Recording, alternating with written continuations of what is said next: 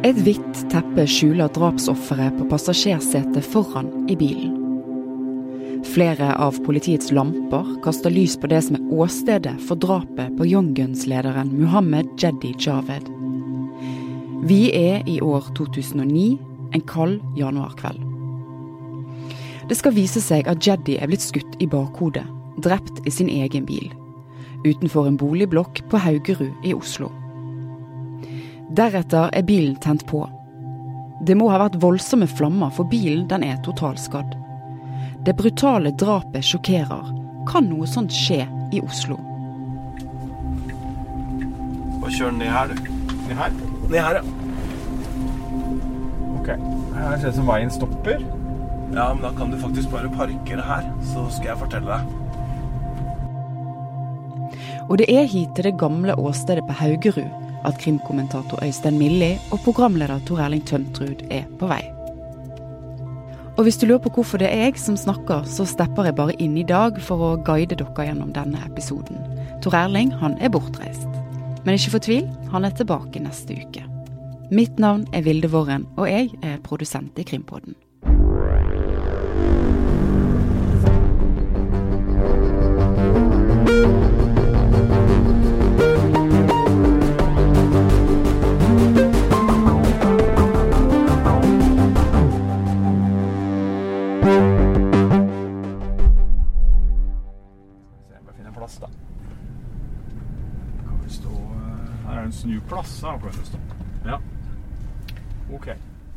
Da er vi på Haugerud, Tor Erling. Her står det Haugerudveien 86 på et skilt. Um, hva var det som uh, skjedde her? Da skal vi tilbake til 2009. Det er eh, 19. eh, januar. Og det var her dette siste drapet som Stig Millhaugen er dømt for, eh, skjedde. Da var Stig Millhaugen satt sånn som jeg gjør nå, i baksetet i en bil. Og foran eh, meg da, i passasjersetet, så sitter eh, Mohammed Jeddi Javed, altså denne lederskikkelsen i denne gjengen som heter Young Guns. Og også på førersetet så sitter en annen kar, en kompis av Jeddi. Hvorfor var disse ute og kjørte bil, da? Det som er at Stig Millhaugen, han var jo da på på soning. Altså Han sona siste delen av den første drapsdommen han hadde fått. Og den soninga var sånn åpen soning. Det er sånn frigangsbolig oppe på Torshov. Der man kan gå litt sånn ut og inn egentlig som man vil. Eh, Det er på en måte siste del av soning før et eh, liv i frihet, da. Ja. Greia var ifølge dommen at uh, hadde avtalt med disse to karene at de skulle gjøre et brekk. Eh, hva slags brekk, det er på en måte ikke avklart, men de skulle kjøre ut hit til Haugerud for å finne en bil til som de skulle bruke i dette brekket. Men så, så stopper de her, eller iallfall så er de i bilen her.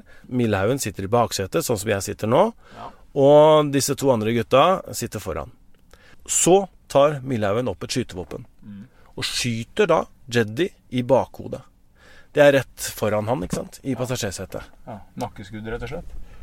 Det er omtalt som en eh, likvidasjon eller henrettelse i dommen. Ja, ja, ja. Hva skjer da, etter at han har eh, gjort det? Ifølge dommen da, så løper han som sitter i førersetet, der som du sitter nå, han løper ut av bilen. Og han har da forklart, eh, og ifølge dommen så skal da Millehaugen også ha skutt etter ham, men våpenet kilte seg. Så det var antageligvis meningen at han også skulle bli drept. Han løper ut av bilen, og nedover Du ser den gangstien nedover her? Det er en barnehage der nede, tror jeg. Ja. Ja. Millhaugen hopper ut av bilen, løper etter. Denne karen som løper nedover, han har fått så stort forsprang at uh, Milhaugen gir opp. Han går opp til bilen igjen, setter seg inn og kjører etter. Ned den eh, Ja, det er, jo- ja, det en vei ved siden av Ja, bare kjør ned der. Prøv det, da. Ned mot denne barnehagen. Ja. Ja. Ja, da kommer vi ned på en parkeringsplass. Vet du hvor bilen eh, Ja, ikke sant? Da har jeg sett på noen eh, bilder fra den gangen. Jeg har jo vært her sjøl òg, men da var det jo mørkt og det var vinter og svære snøhauger her. Ja. Eh, men hvis du står litt lenger fram her, ja. så er det omtrent på det stedet. Hvis du stopper her, da. Her? Ja. Ja. omtrent det stedet hvor denne bilen stopper. Da gir Millhaugen opp. Han tenner heller på denne bilen. Eh, heller bensin på den, og den brenner her. Og så når vi kommer hit da på kvelden eh, for, å, for, å, dekke dette her, for det, det går jo eh, Alarmen går jo. Mm. Så ser vi bare et utbrent bilvrak av en Mercedes. Og det som skjer da, er at uh, Millhaugen han uh, kommer seg til en uh, T-banestasjon i nærheten her. Han tar T-banen ned til Oslo S, og så bytter han sko. Og så tar han seg opp til denne frigangsboligen igjen på Torshov, der han blir pågrepet på kvelden. Men han som stakk av, da? Hva, hva, skjedde videre med han? Altså? Han løper bort til en uh, bensinstasjon som er rett borti høyre her. Og den passerte jo, tror jeg. Var jeg opp. Yep. Og den, uh, da, Der ringer han politiet, og da forteller jo han hvem som har skjedd. Og da forteller jo han også hvem som uh, skøyt, da. Sånn at det blir raskt klart at uh, politiet leter etter Stig Millhaugen. Og Millhaugen han avviste jo straffskyld, mente at han aldri begikk det drapet han ble dømt for. Men hva var det han uh, mente hadde skjedd da? Nei, Han sa i retten at uh, han ikke hadde noe med dette her å gjøre, men har da en forklaring på at han er i dette området. Altså Han er ikke langt unna, men det var ikke han som avfyrte skuddene som drepte Jeddy. Det er hans forklaring i retten. Så han var aldri i bilen? Nei, det er hans forklaring. Mm. Men han ble jo dømt, som vi da vet, Milhaugen. Hva mente påtalemyndigheten og retten at var motivet? Det er en, en, pågående gjengkonflikt mellom flere grupperinger. Og, og greia da var at det, eh, det hadde blitt utlova en slags dusør på hodet da, til Jeddy, som var en lederskikkelse i Young Guns. Det var en, en, en, en annen gjeng som var i konflikt med Young Guns, som, som, hadde dette. Og det er jo da han andre som er dømt i denne, denne saken, eh, ble jo dømt for å på en måte stå bak, og påtalemyndigheten mente da at han hadde bestilt dette drapet. Og du ser jo her, ikke sant. Her er det en, en ganske høy blokk. Eh, og folk som bodde i blokka her, da, de så jo rett ned på en brennende bil. Og flere her er det jo ganske mange som bor. Og at de hørte skudd og, og så det som eh, skjedde. Så det, jo, det var jo ikke seint på kvelden heller. Så her var det mye folk rundt. Ikke Ja, det er jo brutale saker når eh, noen da eh, blir likvidert i en bil i et boligområde det ligger jo en barnehage der nede, og det er jo blokker her, som du sier, Tor Eiling. Og det går en gangvei her, og det er turstier bak oss her. Det er, jo masse folk som bor og lever her, og det er klart at det, eh, når noen blir skutt og drept på denne måten, likvidert her ute, så er jo det en veldig skremmende situasjon, og det er sikkert eh, Ja. Og Det førte jo til at eh, Stig Millhaugen ble dømt til 21 års forvaring med en minstetid på ti år. Og det er jo den han da eh, soner nå, og som han da har eh, ja, unnlatt å møte opp for å sone videre på. Så ja, får vi se hva som skjer videre. Vi skal komme tilbake til drapet på Jeddy litt senere i episoden. Men onsdag tikket det altså inn en beskjed. Stig Millehaugen var pågrepet etter én uke på rømmen. Han hadde ikke dratt til utlandet, sånn som flere spekulerte i. Han ble tatt i Østmarka da han var på vei for å kjøpe en fleecegenser. Jeg må ta en prat med krimkommentator Øystein Milli. Kan du bare dra oss gjennom hvordan den pågripelsen skjedde? Ja, den var jo av det udramatiske slaget. Klokka halv elleve ca. så var Stig Millehaugen ute og gikk eh, på en vei i nærheten av Østmarksetra i eh, ja, randsonen mellom eh, Østmarka, som er et skogsområde for de som ikke er kjent i Oslo, og, og utkanten av Oslo øh, by. Og Da kom det en sivil sivil politipatrulje kjørende, og sånn som dette blir øh, presentert, så kom patruljen kjørende og så Millehaugen, skjønte at det var han. og presenterte seg for ham og sa at du er pågrepet, det er politiet. Og han hadde ingen Satte seg ikke til motverge eller gjorde ingen forsøk på å stikke av eller noen ting. Han lot seg pågripe udramatisk, og var jo da våt, forkommen og bar preg av at han hadde levd ute i ganske sånn spartanske forhold inn i et norsk ja, typisk forsommervær en ukes tid med, med blanda værforhold, for å, for å, bruke det uttrykket. Og det er jo blitt snakket om at han eh, var oppholdt seg ved en gapahuk? Ja, Uh, vi vet ikke helt detaljene om man har hatt uh, tilgang til et telt f.eks., eller, eller om man ikke har hatt det. Vi, vet jo at han hadde denne sekken som vi så bilder av. Uh, han dro jo fra fengselet med en liten sekk, og så dukka han opp på overvåking, overvåkingsbilder i Oslo med stor sekk. ikke sånn kjempestor.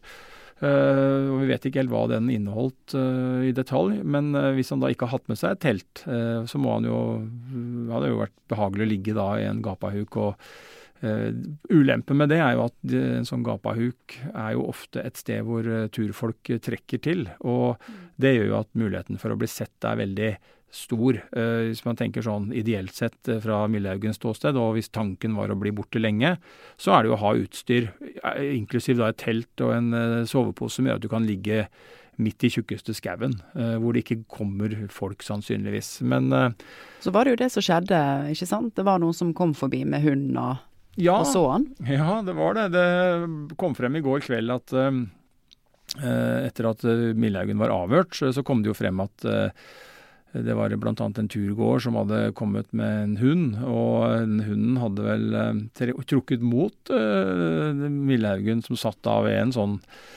type gapahuk. Uh, sannsynligvis fordi at han hadde mat, uh, så ble hunden interessert. Og Millehaugen selv mener jo at denne turgåeren nok skjønte hvem han var. og eh, Merka også at det ble økt aktivitet i området rundt da i ettertid, og kobla jo da at ok, nå, nå har politiet en formening hvor jeg er. Så det er ikke sikkert at Millehaugen var direkte overraska over at politiet tok ham, og det er ikke sikkert at Millehaugen virker jo ikke sånn at han har lagt veldig mye energi på å uh, unngå å bli tatt, da. Fordi at det ville vært naturlig å kanskje komme seg et godt stykke av gårde når man skjønte at ok, nå er det noen som har sett meg. Så ville man jo tro at man da hadde ja, spasert eller gått, kommet seg langt vekk. Eh, men det gjorde han jo ikke. Hva eh, forteller Millehaugen sjøl om sine dager utenfor fengsel, vet vi noe om det? Ja, han har jo vært innom eh, noen sportsbutikker her i Oslo sentrum. Både XXL-butikk og om det er den som ligger nede ved Kirkeristen eller ikke, det, det, vet vi ikke, men i hvert fall en XXL-butikk. Og så har han vært innom Oslo Sportslager og handla utstyr. Um, han var på vei for å kjøpe en fleecegenser da han ble tatt, har han forklart. Sånn at um, dette, denne, dette, ja, denne reis, personlige reisen som advokaten hans Morten Furuholmen uh, presenterer det som, har nok vært en uh, altså Hvis man tenker at målet var å bli borte lenge, og så lenge som mulig, så har det vært en litt sånn halvhjerta uh, affære, syns jeg. Og, og, det tyder jo på at på at nok eh, tanken kanskje har vært å få seg et friminutt, da. Og at han eh, ikke har eh, hatt mulighet, eller lyst, det vet vi ikke, men at han ikke har hatt mulighet eller lyst til å foreta en sånn kopiere seg sjøl og prøve å bli borte i så lenge som f.eks. åtte måneder, som vi vet han ble en annen gang. Dette er jo en mann som har sittet hele sitt voksne liv i fengsel. Og det sier jo noe Det, det sier jo han advokaten Morten Furuholmen noe om. Mm hans uh, muligheter til å klare seg ute, f.eks. Ja, og det, det, er jo Da må vi jo tenke på en måte hva slags mann vi har med å gjøre. Det er jo en mann som har sittet som du sier, Vilde, i fengsel nesten hele livet. Så han vet jo Han har jo hatt permisjon, og han har jo for så vidt fått fulgt med på hva som skjer utafor murene, men det er jo noe annet å leve fritt sånn som vi gjør. Men men Furuholmen sier jo det at, eh, at, eh, det nok ikke har vært helt enkelt å være speider, eh, som jo Millehaugen har vært, når du er over 50 og ikke har vært i skogen noe særlig, kanskje ingenting, men i stedet sittet på en forvaringsanstalt de siste 10-11-12-13 årene. Så, så, så, det er klart at det er, et, det er ikke noe enkel øvelse. Samtidig så har han jo planlagt dette her, bekrefter Furuholmen. Han har jo tenkt på dette her. og Eh, det ligger flere måneder tilbake igjen i tid da, eh, at han skulle ta denne turen. Eh, og så ja, ble det som det ble, da. Det ble seks dager på, på frifot. Og at han behold, oppholdt seg jo ja, veldig nær Oslo sentrum, og har jo også da, som vi var inne på, vært i Oslo sentrum mens han har vært på Eh, holdt seg unna politiet, men, eh, men eh, ja, bodde da omtrent rett på utsida av et serveringssted i Oslo, så han har liksom ikke vært i Han har ikke vært i tjukkeste skauen ak akkurat, nei. nei. Hvilke konsekvenser får dette for han da? Nei, nå har han jo da uteblitt fra en permisjon, og det, det gjør jo at han får det går en tid eh, til han får nye permisjoner, og så er det noen vurderinger der hvor lenge det vil gå. Det er ikke sånn at han ikke får det igjen, men det er klart at dette er et tillitsbrudd som får konsekvenser. Så kan han jo da eh, straffes eh, for dette her med fengsel inntil seks måneder, tror jeg det. Og, og det, men det blir jo en sak opp til altså det med permisjoner det tar kriminalomsorgen og fengselet seg av. Eh, det med mm, en straff det må jo da kriminalomsorgen henvende seg til politiet om, og så er det da politiet som etterforsker og statsadvokaten som eventuelt tar ut en tiltale, og så er det retten som eh, dømmer ham til en eh, straff eventuelt. Så det er liksom to forskjellige prosesser, bare så vi har det klart for oss. Og så er det jo sånn at han også nå skal bytte fengsel. Han har jo sittet i Trondheim fengsel i ti år cirka. Og um, det er ikke noen sånn form for straff uh, at han skal det, men uh, det er nok mer et uttrykk for at det er sunt å Selv om det er li, altså fengsel, fengselslivet er nok ganske monotont, og det er forvaringslivet er kanskje enda mer monotont, men det er noe med å få andre impulser. Du får andre betjenter, du får andre Det ser litt annerledes ut, det er litt andre tilbud uh, og litt andre utearealer. Så det er jo en forskjell, tross alt, og det har vel kriminalomsorgen sagt også, at det er fornuftig av og til at, at de som sitter lenge, får lov å skifte mm, fengsel. Da. Jeg ser på to klassiske mugshots. To svart-hvitt-bilder ved siden av hverandre. Lagt inn i en av VGs mange artikler om Millehaugen. En lyslugget ung fyr med brede, mørke øyebryn stirrer tilbake. Muligens bleika hår, litt rufsete. Han har på seg en hvit collegegenser, type 90-tallet, og har et litt sånn gutteaktig uttrykk i ansiktet. Nummeret 131 kan leses nede på bildet. Dette er en ung Stig Millehaugen, avbildet av politiet i 1991. Samme året som han ranet en bank. Han har jo Allerede for 20 år siden så fikk han jo stempelet 'Norges farligste mann'. Um, og for å forstå den, det stempelet som han da fikk, uh, så må vi se på historikken hans. Millehaugen han ble tatt uh, første gangen av politiet i 1986. Da lener vi oss på en Aftenposten-artikkel fra 2009. Uh, eh, sånn at det er, ikke, det er, ikke, helt sikkert at det er sånn, men det er i hvert fall det man har slått fast da. Når man har sett på Millehaugens historikk her i mediene. Og Forbrytelsen han da skulle ha begått, var et, en, et helleri. Da var han 17 år, og han hadde kjøpt en boblejakke som var dyr, og som da var stjålet. Og da ble han da dømt fordi at han burde forstått at den, eh, den var stjålet, da. Deretter var han involvert i flere ranssaker, og han ble etter hvert innsatt i Sarpsborg fengsel. Uh, og, og, det var jo der det første drapet skjedde. Han eh, hadde fått hånd om et våpen, eh, og det oppsto en situasjon Eh, at en fengselsbetjent som het Jon Arild Martinsen kom utafor døra og spurte hva som skjedde. Da hadde Millehaugen eh, planlagt fluktforsøket, og han hadde, hadde, som sagt klart å få en pistol smugla inn gjennom et vindu på cella si. Um, og Dette var da i desember 1992, hvis jeg ikke sa det. Uh, og Så skal da Millehaugen ha svart at han måtte på toalettet. Uh, og da Martinsen åpna døra, så, så, gikk et skudd av. Uh, og da ble eh, Martinsen truffet, og mens han lå døende på gulvet, så løp Millehaugen til vaktrommet og trua en annen betjent til å kjøre ham til Oslo. Og så meldte han seg der for politiet dagen etter. Eh, men dette er jo en, en uh, gruoppvekkende forbrytelse. En type forbrytelse som vi ja, knapt har sett uh, maken til. Da. Altså, det er veldig uvanlig at noen får et våpen inn i fengsel, og det er veldig uvanlig at uh, noen dreper en fengselsbetjent. En som har opplevd Millehaugen nærere enn de aller fleste, er Roar Sandvik. Det er 30 år siden, men ennå lever han med det som hendte de to timene hvor han var Millehaugens gissel. I dag er Roar 58 år, og driver fotoforretningen foto.no nede i lokaler i Barcode i Bjørvika i Oslo. Han har fysikken til en garvet håndballspiller, og ser ut som han kan klare det meste. Likevel er det bare de siste fem årene at han har klart å være alene i et rom uten å begynne å gråte. Min kollega Håkon Fostervall Høydal møter han. Det var vel den 31. august 1992. Eh, Jeg hadde da min eh, gründerbedrift, også den gang som nå, på, den gang på Holmesenteret Asker. Uh, skulle sette inn uh, Om det var hvilken dag det var, om det var mandag eller tirsdag, det husker jeg ikke, men på en eller annen Det var i hvert fall eh, den gangen foregikk det mer eh, cash-håndtering. Så jeg satte jo inn både lørdagsbiten og mandagsbiten, eller om det var fredag og lørdag. Så det var faktisk ganske mye penger. Jeg husker ikke, men den gang det var mellom 50 og 100 000 et eller annet sted. Det var ganske stort beløp. Men da jeg kom på postkontoret, så var jeg vel mm, Jeg hadde akkurat satt inn pengene, så de var jo satt inn. Uh, så kom jo to personer inn med finlandshette. Og vi ble beordret å legge oss ned på gulvet. og Det gikk vel ikke veldig mange minuttene før politiet på en eller annen verksnode måte klarte å kjøre tydelig forbi, eh, slik at de skjønte veldig fort at det, var, at, det var, eh, at det, var, observert. At noen hadde sett de utenfor, tenker jeg, for ikke alarmen var ikke inne i, inne i postkontoret. Uh, men de ble i hvert fall oppmerksom på at politiet allerede var til stede. Da fikk jo de veldig god, god tid.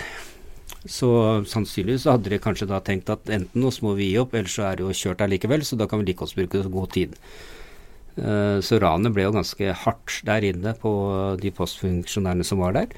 Uh, fordi at de ble jo tvunget til vesentlig mer enn det som Det var ganske hardt våpenbruk der inne.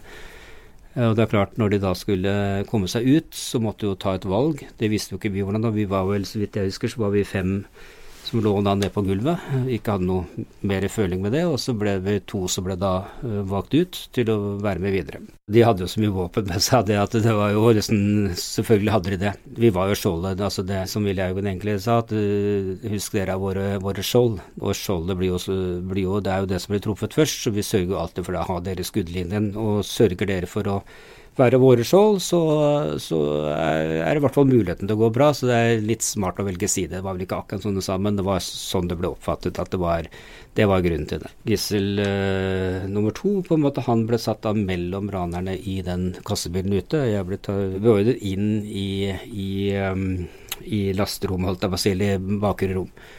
Uh, jeg hadde da ikke hatt noe problem med å kaste meg ut av den bilen for det, under fart eller når vi kom ned, og, og løpt min vei. og det, Eh, det som kanskje for meg er det mest spesielle, det er at eh, fra, fra det øyeblikk at vi ble valgt ut, så var vi eh, For min del så var vi ikke to, vi var én. Så jeg kunne jo aldri svikte kompisen min.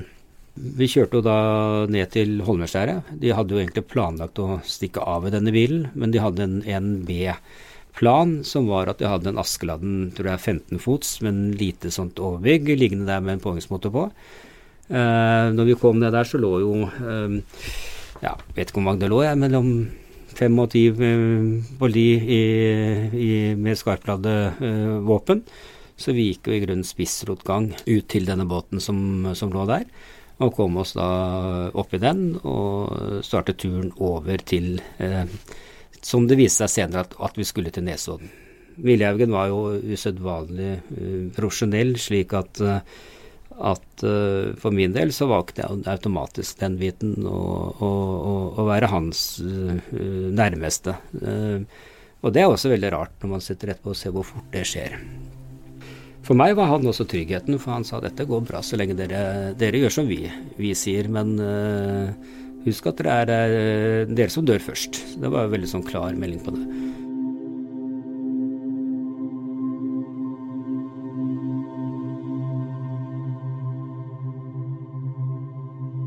neste jeg da opplevde, var jo at vi kjørte på land. Og vi kjørte ikke Vi kjørte vel opp på land, det var bare full fart. Og da var vi jo på Fjellstrand. Vi løp da hus som lå veldig nærme da sjøen. Der eh, knuste vinduet et inngangsparti, skulle inn ha nøkler til en bil.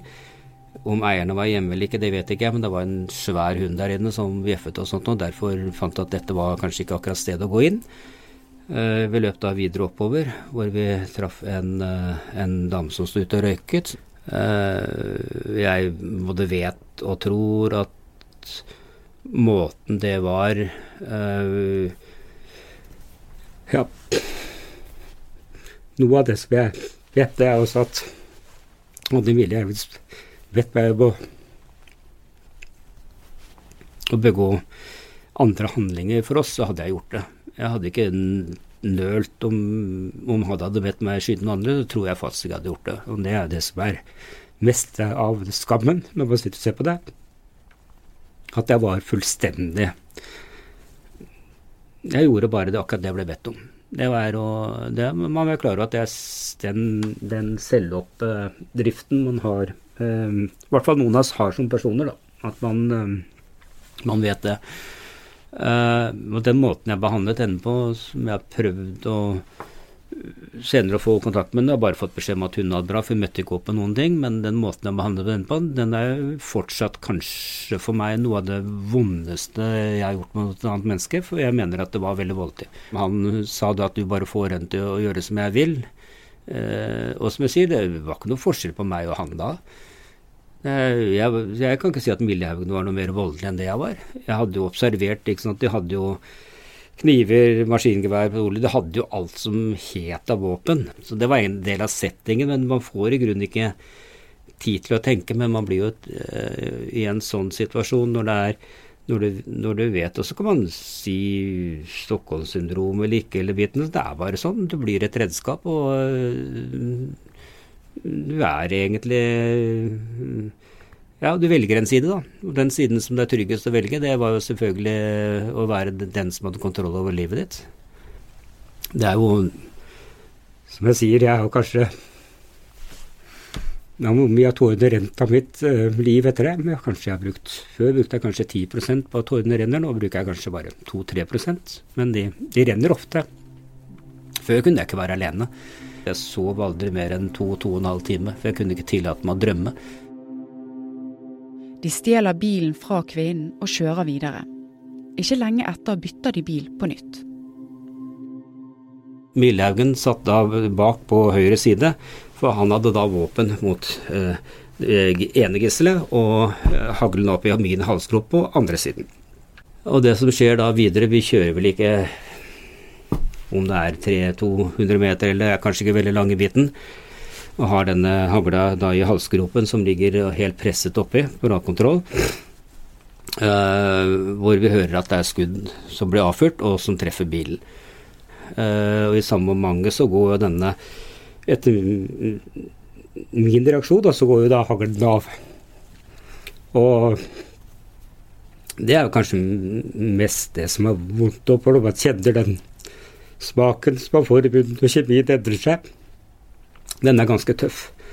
Ehm, jeg vet at kjemien i kroppen min endret seg, endret seg, der og da, for det var noe som skjedde. Eh, etter det så var det jo ikke noe, det var ikke noe betydning. Hva som skjer nå, er ikke noe betydning. Det er liksom ikke noe Det ja, betyr ingenting. De kjører videre inn på Nesoddlandet, tar en ny bil og et tredje gissel. Men det går ikke mange minuttene før Roar Sandvik og de to andre gislene blir beordret ut. Og da løper vi, får vi bare beskjed om å løpe og ikke se oss tilbake. Det blir vi ikke anbefalt, så vi løper bare opp til et hus. Kommer inn i det huset, og der er jo radioen på. Vi får klart hva det gjelder. Dette er 30 år siden. Ennå lever Roar Sandvik med hva som skjedde han den dagen. Hverdagen min har jo alltid vært sånn at hver dag jeg våkner, så er jeg jo, siden dette, så er jeg jo kjempehappy for at jeg får en ny dag. Og det det lærte meg, var at det er aldri et barn hjemme hos oss som har gått og lagt seg uten at vi er, er venner, og at vi gir en klem uansett. Og så er det jo øh, vondt å ikke ha det bra når tingene går bra. Jeg er jo ikke medgangsperson, og det vil si at når jeg må alltid ha det litt vondt for å ha det bra, og det er For jeg, jeg kan jo ikke ha det helt bra, for hvis jeg har det helt bra, så øh, kommer det tilbake igjen. Det er vel egentlig mer at du kan aldri legge det bak deg, du må lære å leve med det. Og de siste 15 årene så er jeg klart å leve med det på en annen måte. De andre årene før var det jo bare fordi jeg var nødt til å tjene penger. Hvis uh, ikke jeg tjente penger, så kunne jeg ikke brødfø familien. Hvis du hadde møtt han i dag, hvordan hadde du reagert da? Egentlig skjønner jeg ikke helt spørsmålet, for det er så innlysende. Altså, det, jeg har ikke noe eh, jeg har jo egentlig bare gode tanker om han. Altså, og så sier jeg det er, tilbake, det er, der ligger jo skammen. Det, jeg liker jo han egentlig. Det var ikke han som var farlig. det var ikke han, Og dette er jo sånn Tilbake der så sier ja, ja, sier man at det bare er Stockholmssyndromet? Nei, selvfølgelig er det sånn. Og det er jo innlysende. Uten han så hadde ikke jeg Jeg tror ikke jeg hadde levd her i dag uten at, han, at det var han og meg. Eh, det var ikke han mot meg, det var han og meg. I rettssaken etterpå beklaget Stig Millehaugen til Roar. De to skal ha tatt hverandre i hånden, Millehaugen skal ha sett han i øynene og sagt unnskyld, og at han skjønte at det hadde vært en vanskelig opplevelse for Roar. Ingenting av dette husker Roar i dag. Fra en artikkel i Budstikka om Nesbru-ranet blir det skrevet. Verken Millehaugen eller den andre raneren tilsto ranet av Nesbru postkontor. Men de ble likevel dømt for ugjerningen. Vi har fått besøk av tidligere politispaner Jonny Brenner, som vet en del om Millhaugen. og som sjøl leitet etter han for mange år siden. Altså, han forsvant jo fra en, en permisjon da, som han hadde i 2000. Og det, det er vel de eneste gangen jeg har sett Millhaugen, faktisk, sånn personlig. Det er når han var på vei til politihuset for å, for å si at her er jeg, altså en meldeplikt.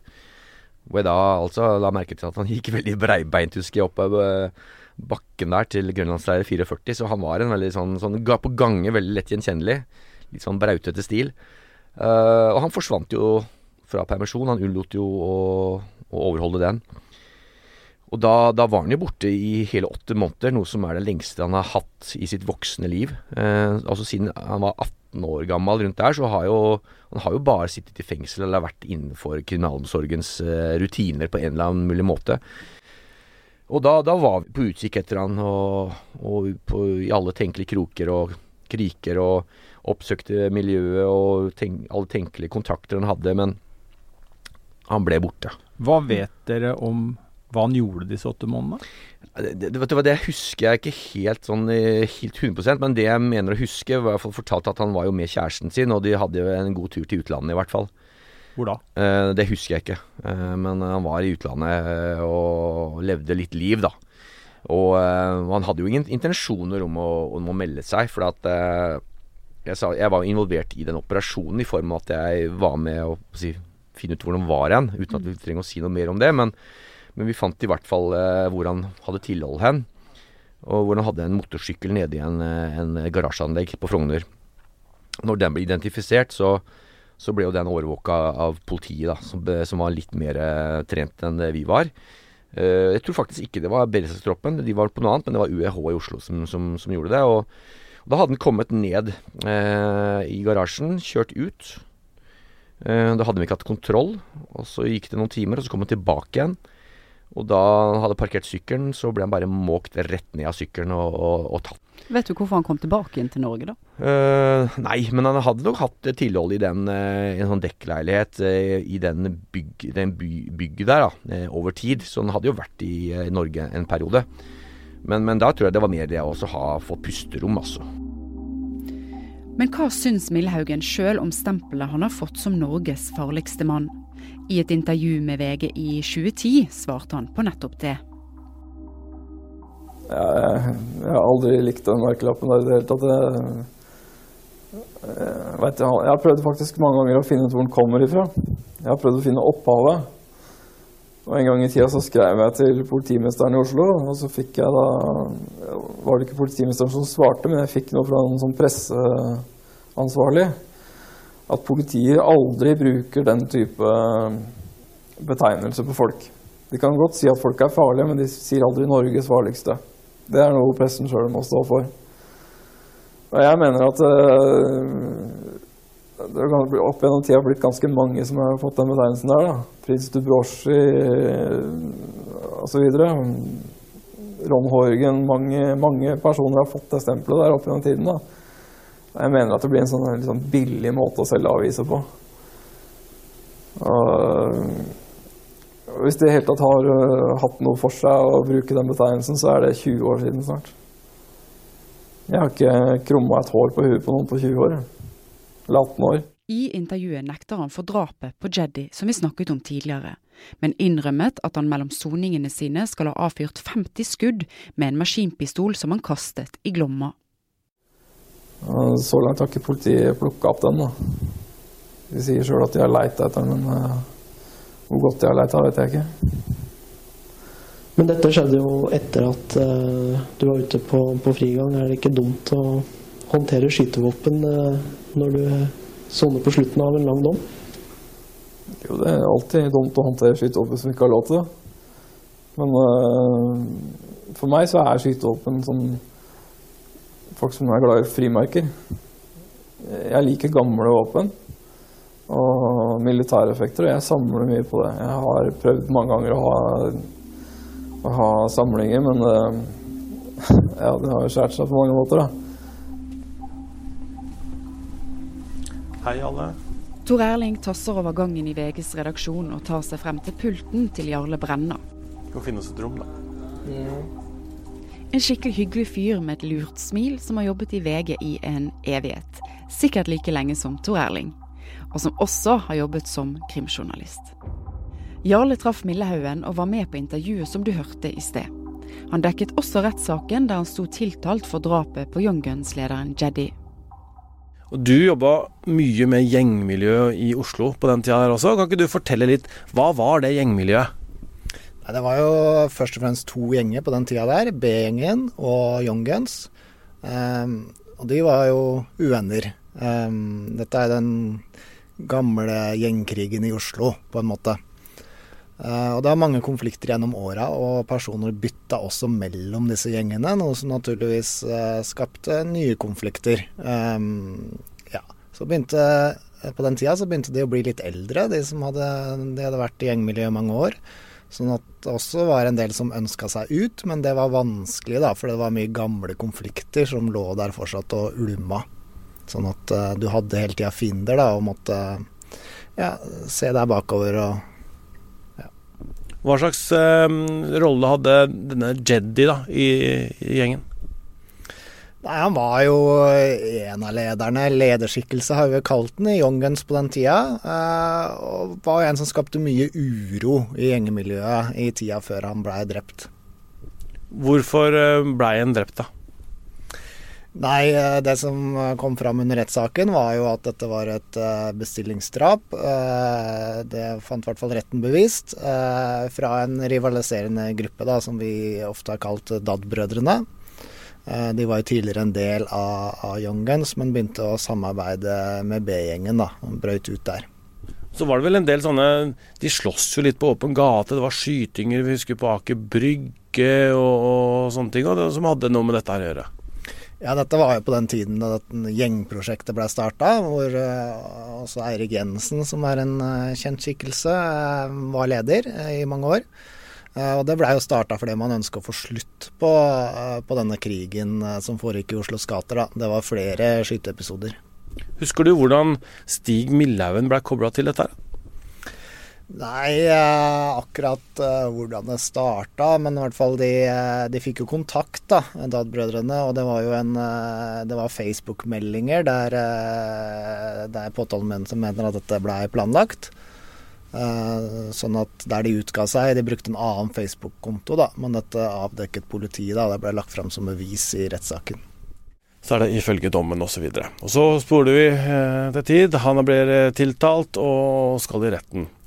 Em, og da, før eh, rettssaken mot eh, Stig Millhaugen, så, så var du og besøkte ham i fengselet, Jarle. Kan ikke du fortelle om det? Nei, eh, han var veldig opptatt av at han var uskyldig på den tida. Eh, må jo si at det ble lagt fram mye bevis mot han i rettssaken, og han ble jo dømt i både tingretten og lagmannsretten. Men han var opptatt av å bevise sin uskyld, sendte oss flere håndskrevne brev, husker jeg. Eh, og vi dro opp og besøkte han i fengselet. Um, det er jo litt spesielt, for det første når du skal inn i et uh, Ringerike, som er eh, et av de sikreste fengslene vi har, så er det en omfattende prosess. Jeg husker de var opptatt av at vi måtte ha med oss sånn eh, nødalarm. Eh, vi var ikke på noen måte redde for Milhaugen, eh, og det var det heller ikke noe grunn til for oss. Eh, Han var eh, hyggelig mot oss og helt grei å forholde seg til. Eh, Men bakteppet er jo selvfølgelig at han da hadde begått et brutalt drap på en fengselsbetjent, og også var da sikta da når vi møtte han for å ha begått et bestillingsdrap. Så det, det ligger jo bakhodet der, men selve samtalen var helt uproblematisk. Hva sa han for noe, da? Nei, vi snakka litt om dette med at han ble kalt Norges farligste mann, husker jeg. Eh, Det er jo noe han ikke liker sjøl, og mener det bare er tull. Og mener det er noe media har funnet på. Um, og det, han har jo litt rett i det. Det er jo media som har gitt den, den merkelappen. Uh, så han mener jo det bare er tull. Um, og så snakka vi jo om, uh, litt om saken, da. Uh, der han mente han var ja, uskyldig, da. Hvordan så det ut, og hvordan så han ut da, da dere møtte han? Nei, Vi var jo på et av besøksrommene da, på, på Ringerike. Og de er, de er, jo litt uh, traust og kjedelige. Det er jo det. Så, men han ja, han var jo da Han hadde jo sittet mye i fengsel. Han var jo i ferd med å sone ferdig sin forrige lange dom etter drapet på fengselsbetjenten da han, da han begikk det drapet på Deddy, som han også er dømt for. Da var han jo helt i sluttfasen. Han har sittet mange år i fengsel. Og risikerte jo da en ny, lang eh, forvaringsdom. Så han var jo selvfølgelig opptatt av det, at han risikerte å tilbringe hele sitt voksne liv da, i fengsel. Mange har nå stilt seg spørsmålet om hvorfor en som var forvaringsdømt fikk slippe ut på permisjon. Jeg har snakket med kriminalomsorgen, som svarer på generelt grunnlag her hos oss.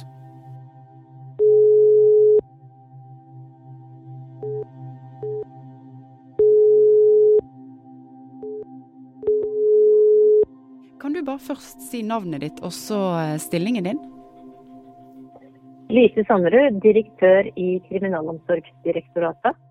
Jeg vil si at det er viktig at den domfelte gis muligheter for permisjon. For det å løslate en innsatt ut til samfunnet, og som ikke har fått den muligheten til å eh, møte samfunnet, være i sosiale settinger, eh, møte familie uh, osv. Eh, det er det er en det vil være en krevende og utfordrende situasjon, både på vedkommende selv, men også på samfunnet. Mm. Er det noe man kan gjøre for å gardere seg mot at man stikker av på sånne type permisjoner? Du kan si det sånn at uh, Hvis vi hadde hatt uh, elektroniske kontrollmuligheter, så uh, ville vi hatt en helt annen kontroll enn det vi har i dag. Da ville vi kunne spore, og vi kunne få en alarm dersom vi ga vilkår. For det gis det veldig ofte under permisjoner, så gis det spesielle vilkår. Vilkår om at du skal Eh, at du skal være i et bestemt område f.eks. Eller, eh, eller møte de og de personene. At du skal hentes, kjøres. At det skal være, det kan være ruskontroll før og etter. Eh, og det er klart at hvis du da bryter og går ut utenom det området som permisjonen tilsier at du skal være, så vil en elektronisk kontrollmekanisme kunne fungere eh, som en alarm inn, og vi vil kunne håndtere situasjonen mye raskere. Og det er noe dere egentlig ønsker da, eller? Vi, på, vi fikk et oppdrag av departementet eh, i 2021 om å se på eh, ulike, altså både utvide målgruppen og også tidsdimensjonen knyttet til det å bruke elektronisk kontroll, som er en straffegjennomføringsform i dag. Og eh, vi, vi anbefalte i den eh, rapporten så anbefalte vi at dette i større grad gjøres på forvaringstomte eh, enn den muligheten vi har i dag. Da. Eh, og så er det viktig å si at det er, skal jo også gjøres akkurat de samme sikkerhetsmessige vurderingene som i dag. Men vi får en kontrollmekanisme som, vi ikke, som vi ikke har per i dag. På onsdag kveld ble Millehaugen avhørt. Politiet sier han forklarte seg detaljert om både planer og hva han gjorde i dagene på rømmen. Hans forsvarer Morten Furuholmen sa på en pressebrif. dette har vært en personlig reise. Han har vært alene i skogen, og den reisen er avsluttet nå. VGs redaksjon med Gordon Andersen, Vilde Elgåen, Morten S. Hopperstad, Ådne Husby Sandnes og også Tor Erling Tømt Ruud har bidratt med journalistikk til denne episoden. VGs krimkommentator Øystein Milli var med meg i studio. Jeg heter Vilde Worren og er produsent for podkasten.